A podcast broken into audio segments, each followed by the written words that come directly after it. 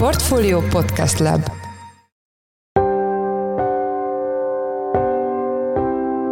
Mindenkit üdvözlünk, sziasztok! Ez a Checklist a Portfolio podcastje szeptember 26-án kedden. A műsor első részében arról lesz szó, hogy miért nem omlott össze az orosz gazdaság annak ellenére, hogy sokan ezt prognosztizálták még a háború kezdetén. A kezdeti előrejelzések gerincét az a tény adta, hogy a nyugati vállalatok, amelyek Oroszországban működnek, egymás után jelentették hogy ők akkor most feladnak az oroszországi működéssel. Az Európai Bizottságnak volt egy becslése, amely szerint az orosz GDP 40%-át megtermelő vállalatok jelentették be, hogy kivonulnak. Azért sejtető volt, hogy ez akkor is erősen, erősen túlzó becsülés, de azt látjuk, hogy ennek a töredékesen valósult meg. Vendégünk Zsoldos Ákos, a portfólió makroelemzője. A második részben arról lesz szó, hogy milyen módon tudja a magyar bankszektor felpörgetni a hitelezést, ahogy azt a kormány elvárja annak fejében, hogy nevessen ki újabb bankadót a szektorra. Erről Palkó Istvánnal, a portfólió vezető pénzügyi elemzőjével beszélgetünk. Én Szász Péter vagyok, a Portfólió Podcast Lab szerkesztője, ez pedig a Checklist szeptember 26-án. Most egy rövid szünet, és jövünk vissza.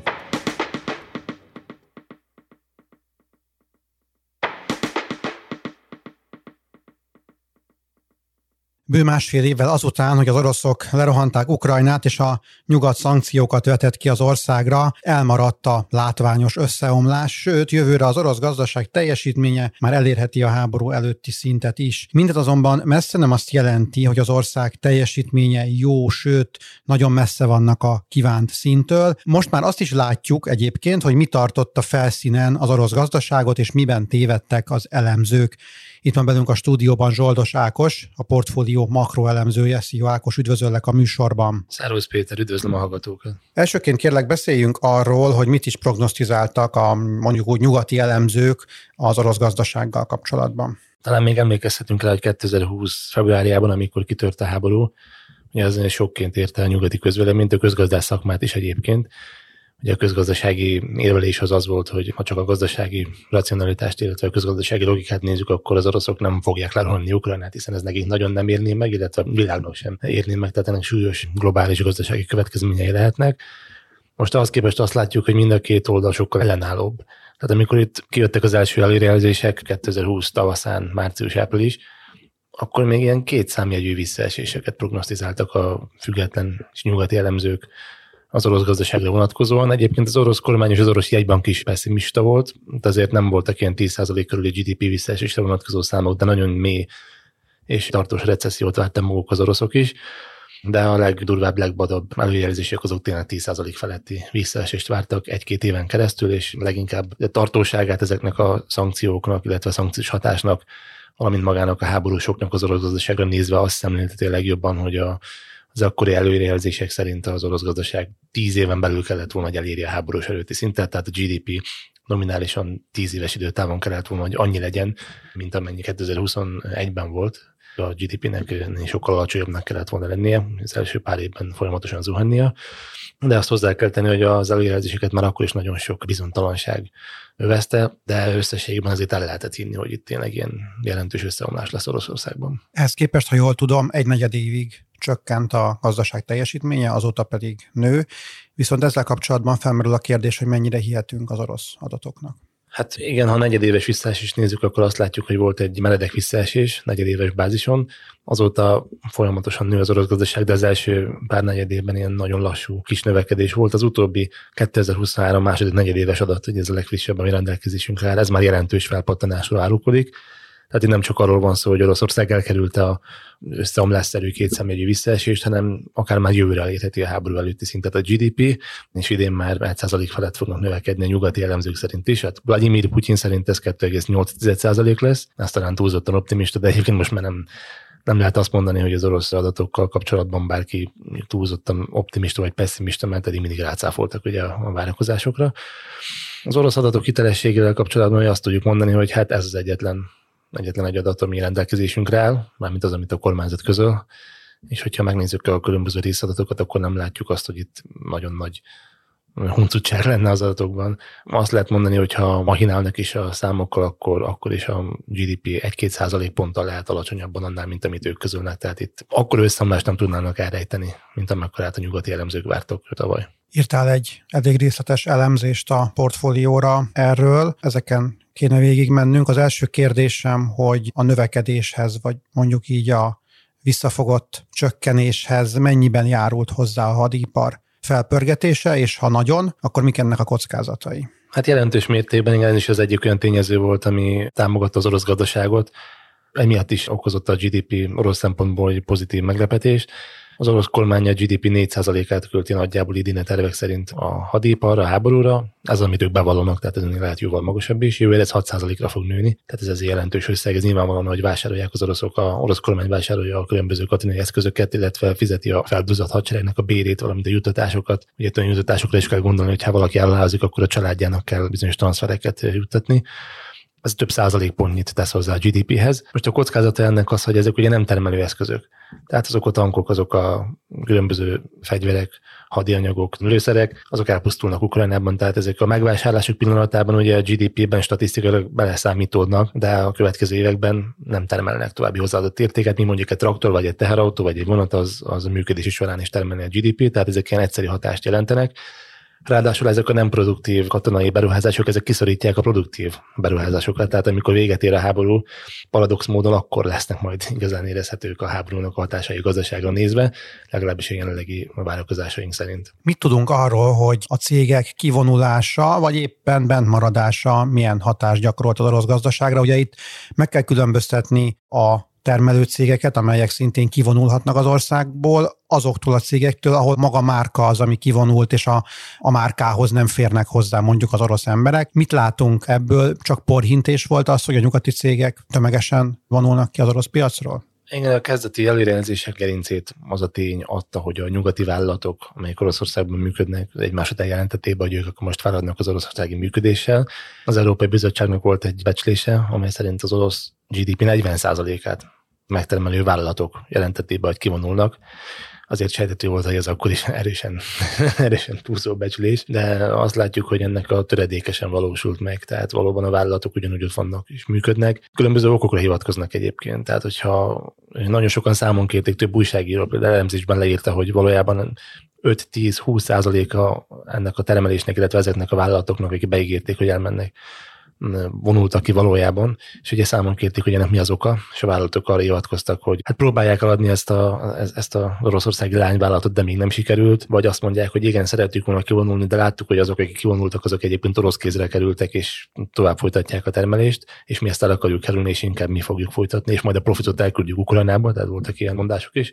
Persze attól még, hogy elküldik Ukrajnából, attól még az orosz GDP-hez az, az hozzátesz, azt hozzá kell tenni. Illetve vannak olyanok is, akik azt mondták, hogy ők nem vonulnak ki, mert a globális ellátási láncukban az orosz lányvállalat olyan fontos szerepet tölt be, hogy ezt egyszerűen nem lehet feladni. Illetve általán az a negyedik csoport, aki például azt mondta, hogy ők nem is akarnak kivonulni, mert ők az orosz fogyasztókat nem akarják cserben hagyni. Tehát összességében most nem tudom számszerűsíteni, voltak erre vonatkozó kutatások, hogy a bejelentett cégek hány százaléka vonult ki, nagyjából ez 5 és 20 százalék közé tehető, de egy ezen belül hol van, az, az nagyon nehéz megmondani, de messze nem olyan mértékű, mint amilyet 2022 elején vártunk. Mindezekből tudunk valamilyen következtetést levonni arra vonatkozóan, hogy a szankciók, akár az energiahordozókra kivetett szankciók működnek-e, vagy sem? Ugye a nyugati vállalatok kivonulása az nem szerepelt a elfogadott jogszabályokban lefektetett szankciók között, amit a nyugati országok hoztak meg. Tehát ez a piacnak az úgynevezett önszankciós mechanizmusa volt. Tehát ezt nem is kérhetjük számon a kormányokon. Az már egy más kérdés, hogy mondjuk az olajszankciók sem tűnnek annyira hatékonynak. Ugye az egy dolog, hogy a nyugati olajvásárlásokat részben kiváltották a kínai, indiai és török vásárlások, és az is látszik, hogy a hivatalos adatokban tényleg megszűnt a nyugati országok és az Oroszország közötti külkereskedelem azokban a kritikus termékekben, aminek a kereskedelmét letiltották a a nyugati országok, de másik oldalon meg az is látszik, hogy az Oroszországgal szomszédos országokban meg elképesztő mértékben nőtt ezeknek a termékeknek a külkereskedelme, tehát valószínűleg a nyugatiak az oroszokkal együtt karöltve játszák ki ezeket a szankciókat, a nyugati vállalatok, és nem a kormányokról gondolok természetesen. Tehát most azt csinálják, hogy nem Oroszországba adják el a kritikus termékeket, hanem eladják mondjuk a szomszédos országokba, és onnan kerülnek át Oroszországba. Illetve azt sejthető, hogy az olajnak is egy része azért eljut a nyugati piacokra. Annak idején például az egy híres példa volt, hogy a az Oroszországból elindult ugye a hajó, az olajszállító hajó, és a tengeren áttöltötték az olajat azokba a hajókba, amik Nyugat-Európában szállították végül, de nem, nyilván nem orosz címkézési olaj volt, hanem mindenféle keverék nevezték el, kaukázusi keverék, balti keverék, stb. Hát ezek orosz olajszállítmányok voltak. Most erről mindenki tudott, mégis az a gyakorlat, ez folytatódott. Egyet emelnék ki igazából, ez pedig az olajársapkára vonatkozó szabályozás, amiről kezdetben azt lehetett gondolni, hogy ez valóban működőképes, hiszen a nyugati országoknak monopóliuma van a tengeri szállítások biztosításában. Tehát, hogyha valaki, legyen az kínai, török vagy indiai vállalat, orosz olajat szeretne szállítani, akkor Nyugat-Európába kell menni, hogy biztosítsa ezt a szállítást.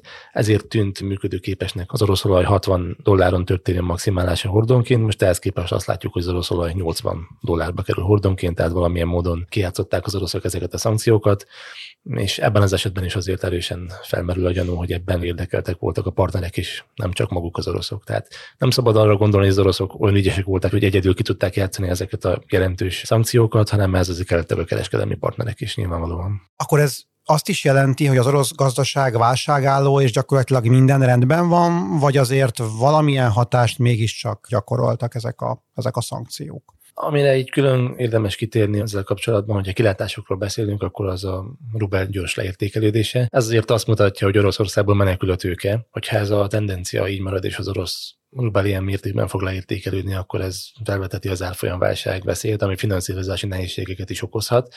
Egyben most már két lépésben 450 bázisponttal emelte az irányadó kamatot, ami egy nagyon jelentős lépés is arra utal, hogy itt komoly bajok lehetnek, vagy legalábbis komoly bajokat szeretne egy bank megelőzni, tehát egyáltalán nem mondható az, hogy rózsás a helyzet. Az orosz költségvetési pozíció is romlik, tehát most már bőven negatívba fordult az egyenleg, tehát deficit keletkezett az orosz bücsében, úgyhogy azért összességében nem jó a helyzet. Hogy orosz szempontból azt lehet mondani, hogy jobb a helyzet sokkal, mint ahogy azt várták, de az orosz gazdaság továbbra sincs jó helyzetben. Hogyha növekedni fognak, a reálgazdaság növekedni fog, akkor is messze az alatt a szint alatt fog növekedni, ami az kéne, hogy felzárkozzanak a nyugat-európai országok a fejlettségben, tehát ez abszolút ilyen kilátás jelen pillanatban nincs de ez a rubel gyengülés és a tőke kiáramlás az még okozhat komoly problémákat, akár még rövid távon is, de ha egyetlen tanulságra szeretném felhívni a figyelmet, akkor az az, hogy az orosz gazdaságra vonatkozó jövőbeli becslésekkel nagyon óvatosnak kell lenni, mert képesek lehetnek rácáfolni a várakozásokra. Az elmúlt percekben Zsoldos Ákos, lapunk makroelemzője volt a vendégünk. Köszönjük, hogy a rendelkezésünkre álltál. Köszönöm szépen a meghívást. Bár a bankszektorban extra profit képződik, ami miatt indokolható az eddiginél nagyobb extra profit adó kivetése, vagy esetleg új bankadó bevezetése is, ezt a kormány nem fogja meglépni. Ennek azonban az az ára, hogy a bankok egy héten belül tegyenek le a kormány asztalára egy intézkedési tervet, amely helyreállítja a hitelezést Magyarországon. Röviden így tudnánk összefoglalni azt a mondhatjuk ultimátumot, amelyet a bankok a Magyar Bankszövetségen keresztül kaptak a magyar kormánytól. A kérdés, hogy mégis milyen intézkedést várhat el a kormány, itt van velünk a stúdióban Palkó István lapunk vezető pénzügyi elemzője. Szia, üdvözöllek a műsorban. Szia Péter, köszöntöm a hallgatókat. Mi a probléma a hazai hitelezéssel, ami javításra szorul? Többféle jelenséget meg lehet ragadni, különösen jól meg lehet ezt tenni a számokkal a hitelpiacon. Ezek közül ugyanakkor nem biztos, hogy az a probléma, amire most a kormány rámutat. Ugye a kormány arra mutat rá, hogy lassult a hitelezés. Tehát a hitelállományoknak a növekedése az lassult, ezt lehet elsősorban kimondani.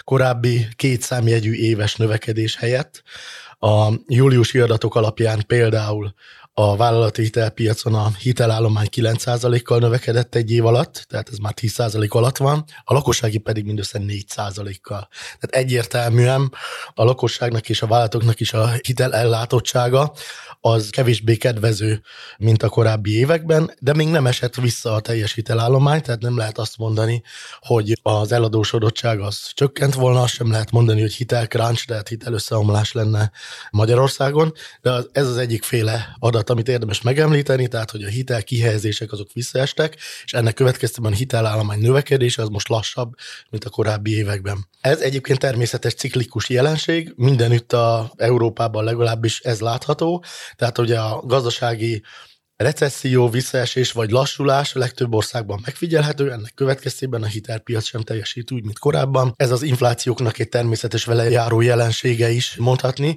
hiszen az infláció sok esetben vagy gazdasági lassulás, vagy recesszió követi, ennek következtében a hitelpiac is lassul. Tehát ez egy természetes dolog. A másik pedig az, hogy hol állunk Európában, erre viszont inkább azt mondanám, hogy itt nagyobb problémák vannak, de a kormány nem egyszerűen azért nem erre mutat rá, pedig talán erre kellene inkább rámutatni. Ez pedig a GDP arányos hitelpenetráció. Például a magyar vállalatoknak a GDP arányos tartozása a bankok felé 17,5 százalék, ezzel szemben az Európai Uniós átlag az 33 és 33,0 százalék, tehát majdnem csak fele akkora a vállalatok hitel ellátottsága, mint az EU-s átlag.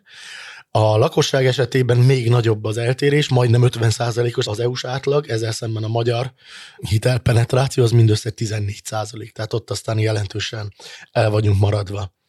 Azt figyelhető meg, hogy minél fejlettebb egy ország, tehát minél magasabb a GDP-je, annál magasabb a hitel penetráció is. Ugyanakkor a vállalatok esetében a hozzánk hasonló fejlettségű visegrádi országoktól nem igazán vagyunk elmaradva, tehát ott, ott rendben vagyunk.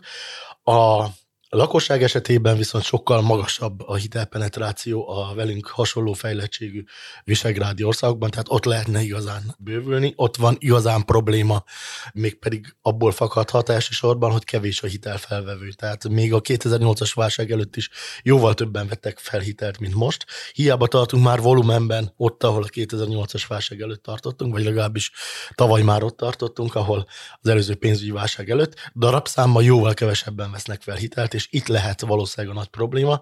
De most nem ezzel foglalkozik a kormány, ő csak azt regisztrálta valószínűleg, hogy a hitelezés lassul, sokkal kevesebb hitelt vesznek fel a vállalatok is, és a lakosság is, mint az előző években, de még egyszer mondom, ez egy ciklikusan jól indokolható jelenség.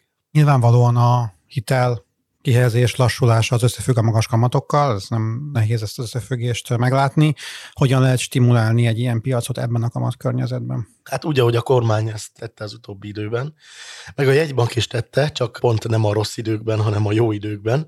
Ezt egyébként egy múlt heti konferencián fel is vetették a bankvezéri kerekasztal beszélgetésben.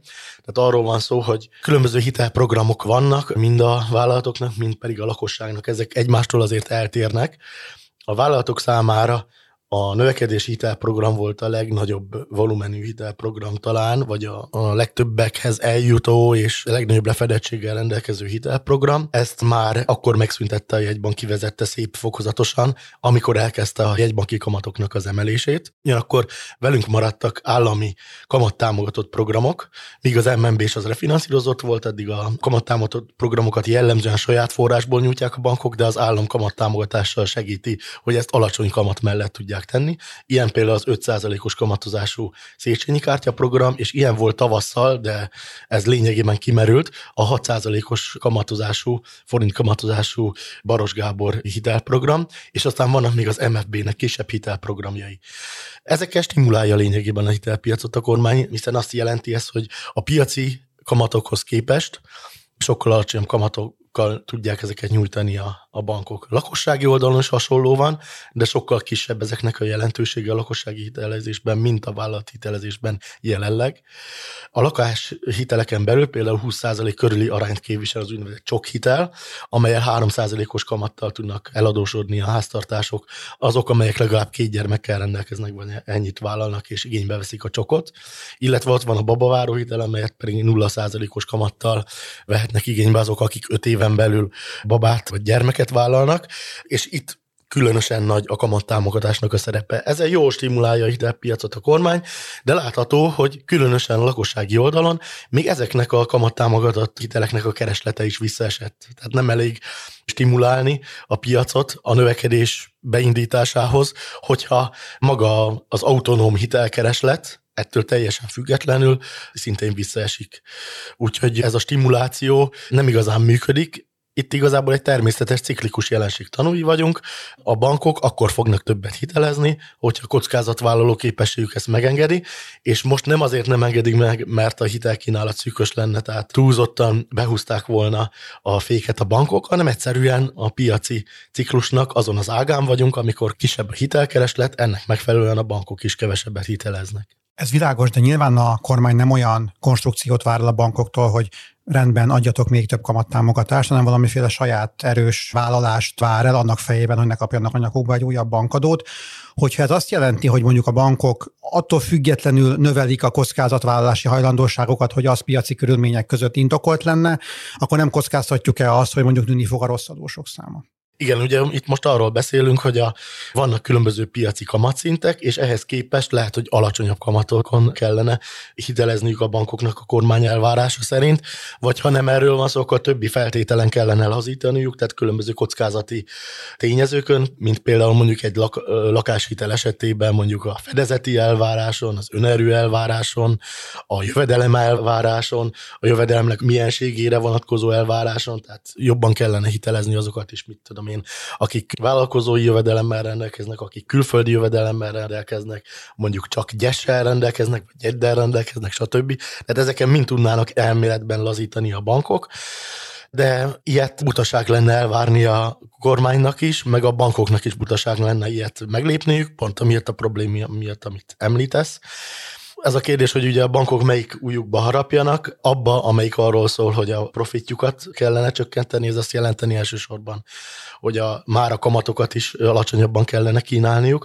Másodszorban egy több éves ciklusra előre tekintve a kockázati feltételeken javítaniuk, és majd értékvesztést képezniük, pont amiatt, mert a hitelportfóliók minősége romlik, vagy pedig abba az újukba harapjanak, hogy nem tesznek semmit, a kormány lépését elviselik, bármi is legyen az, legyen az akár, bár ugye Nagy Márton múlt héten még a portfóliónak is azt nyilatkozta, hogy nem lesz bankadó emelés, és nem fűzte hozzá ennek a, a feltételét, csak azt mondta, hogy egyébként a hitelpiacnak nagyobb szüksége van erre a pénzre, mint a költségvetésnek.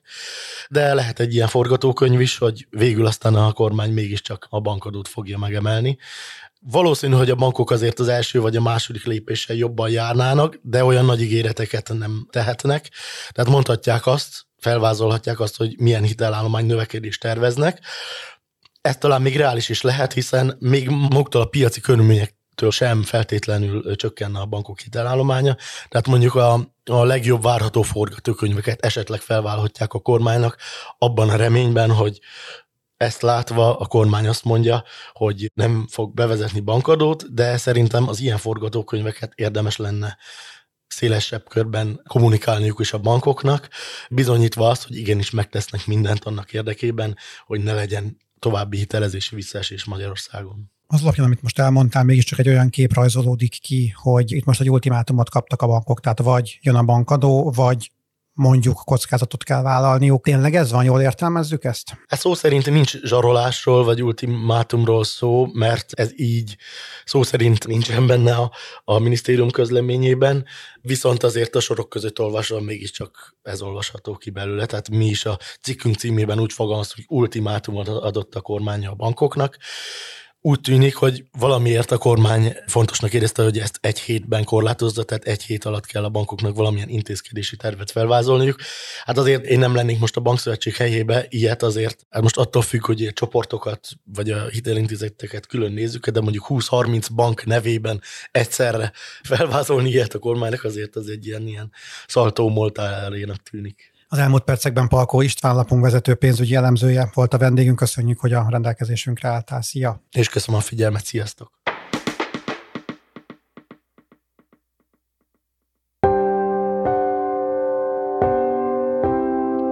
Ez volt már a checklist, a Portfólió munkanapokon megjelenő podcastje.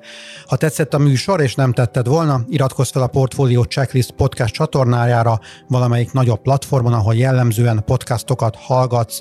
Azt is megteheted, hogy értékelsz minket azon a platformon, ahol ezt a mostani adást is meghallgattad.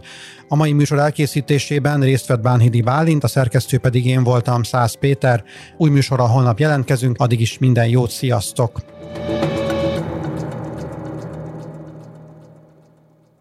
Reklám következik.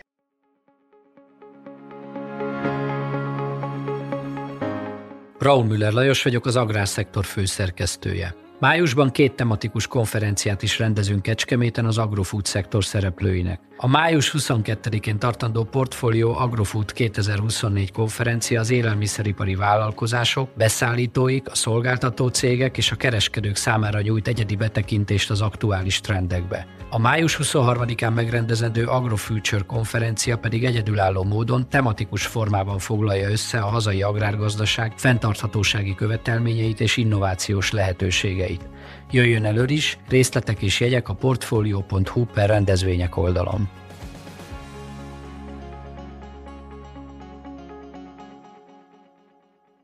Reklámot hallottak.